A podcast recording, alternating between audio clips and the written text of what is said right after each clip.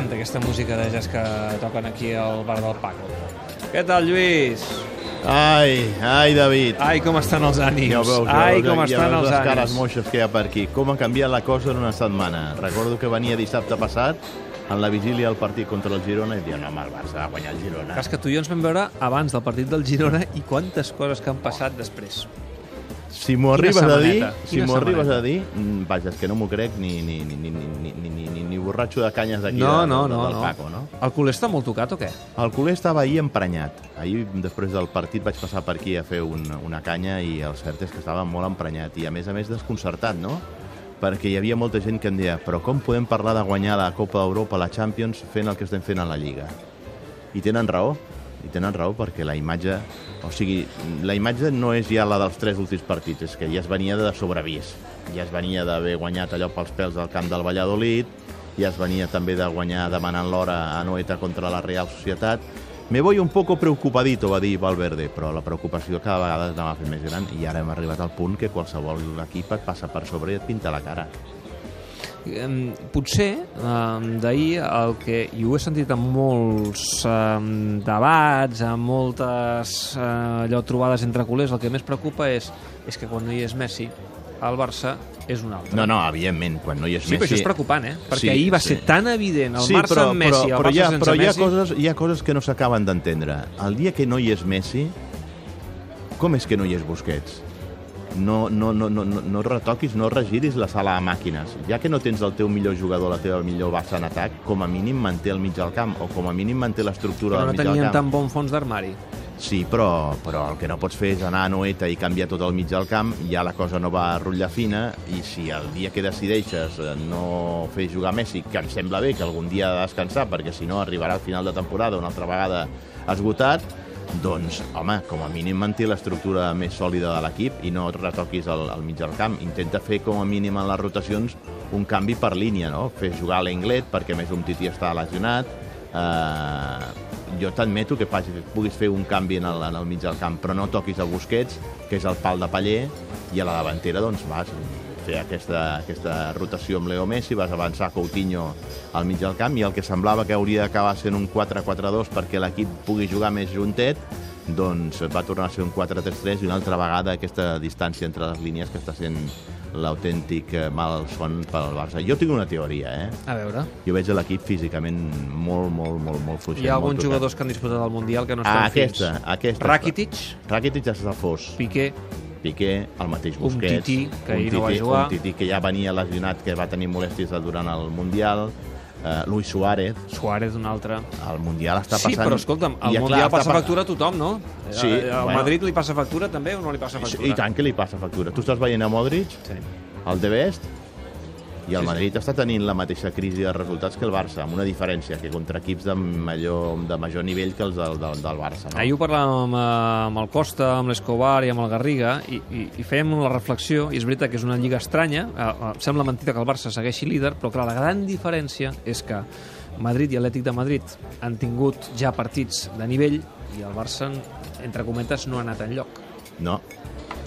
Diguem-ne, el, el primer gran examen eh, de, de, del Barça en aquesta lliga serà la setmana que el cap de setmana que ve a Mestalla contra, contra el València, que aquí serà ja un partit d'aquests de, de, de nivell i haurem de veure aquesta setmana com l'equip afronta aquest doble, aquest doble compromís d'alta exigència com és dimecres a Wembley contra el Tottenham i després el cap de setmana Però ara s'han acabat les proves. És evident que aquests dos partits els han de jugar l'equip titular. És evident que, juga- que el jugarà l'equip titular i jo crec que es tornarà al 4-4-2. I jo crec que es jugarà al 4-4-2 i el Amb Suárez i Messi al davant i, i aquí qui sacrifiquem? a Dembélé.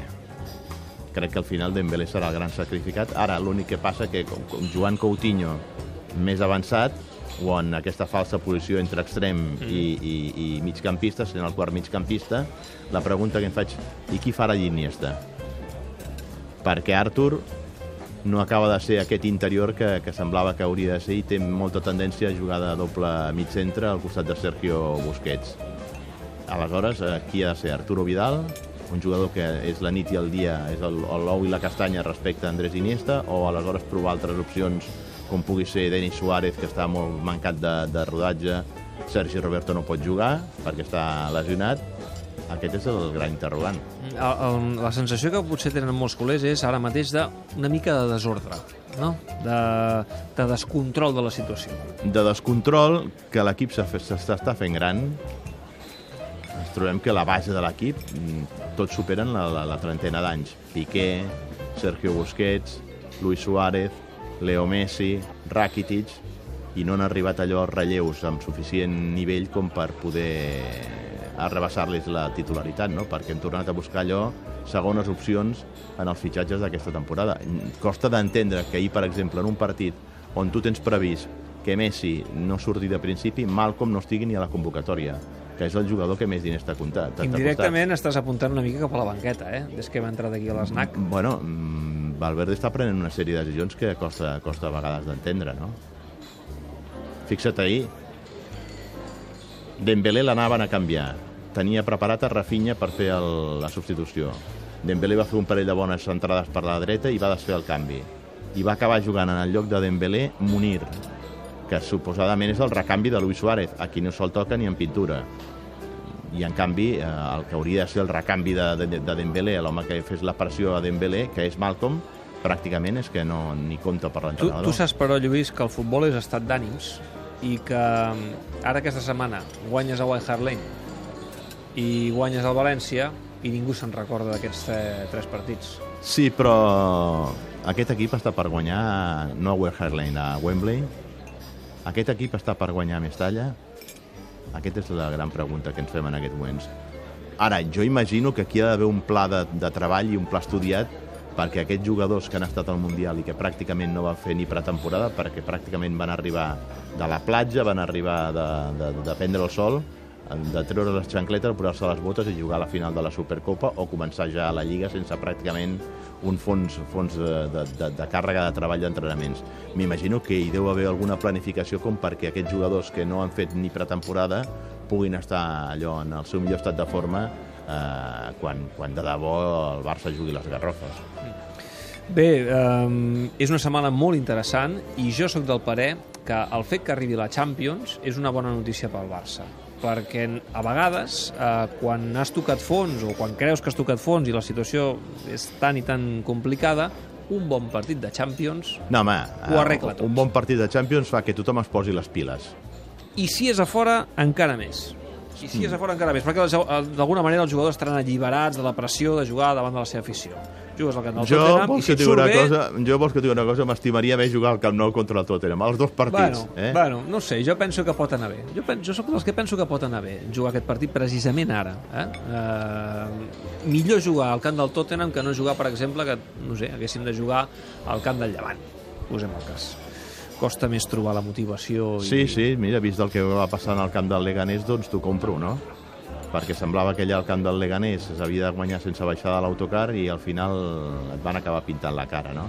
Bé, espero que aquesta, aquesta temporada els Snack Barces eh, eh, recuperin el to festiu que han tingut sempre amb el Paco bueno, mantejat i tocant el sostre. Bueno, perquè veníem de dues temporades on es va guanyar títols. La, la, Massa ben acostumats que sí, estem a dir sí, sí, sí, això, això, això, això és veritat. Hi ha molta gent que ja començava a dir durant la primera part del partit i això és el que ens espera el dia que no hi sigui Messi. Bé, també això és el pessimisme del típic del culer.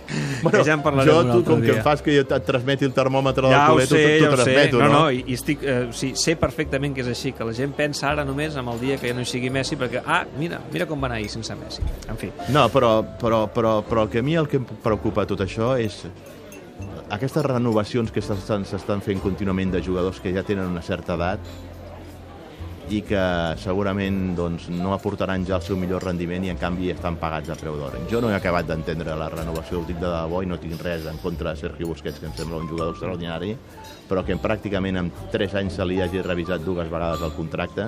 Escolta'm, si Sergio Busquets tenia una oferta del, del, del City, que vinguin aquí amb els diners i els posin però jo dubto molt que un equip com el City pagui 200 milions de la clàusula de Sergio Busquets per un jugador que ja té els 30 anys complerts. I si Rakitic té una oferta de... de que la porti.